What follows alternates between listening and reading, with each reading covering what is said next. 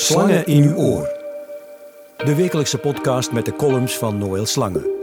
Met deze week het belang van Limburg.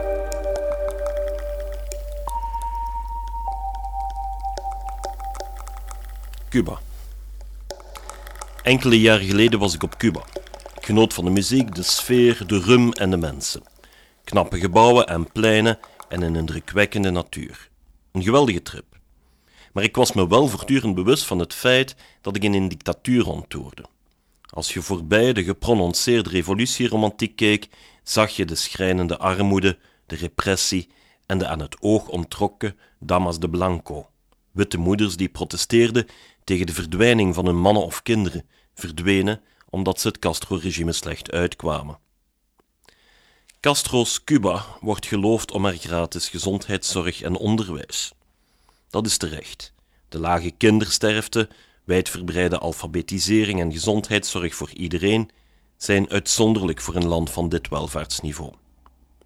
Maar wat ben je ermee dat je tanden gratis verzorgd worden als je je mond niet mag opendoen? Sinds kort kunnen Cubanen de toestemming krijgen om naar het buitenland te reizen.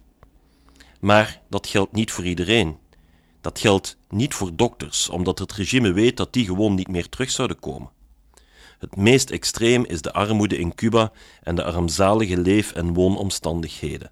Cubaanse families die met tientallen samenhokken in totaal vervallen kamers in de hoofdstad Havana.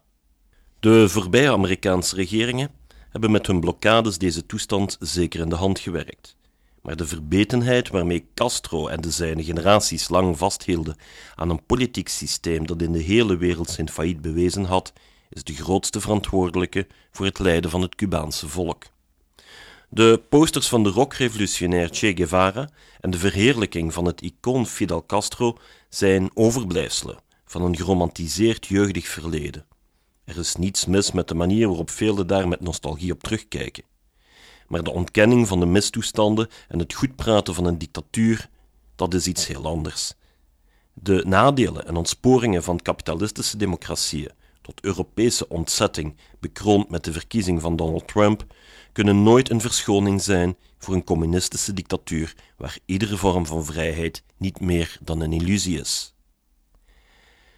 Misschien moeten we, bij de aanblik van beide excessen, ons eens realiseren hoe groot het verschil is met Europa en met ons eigen land.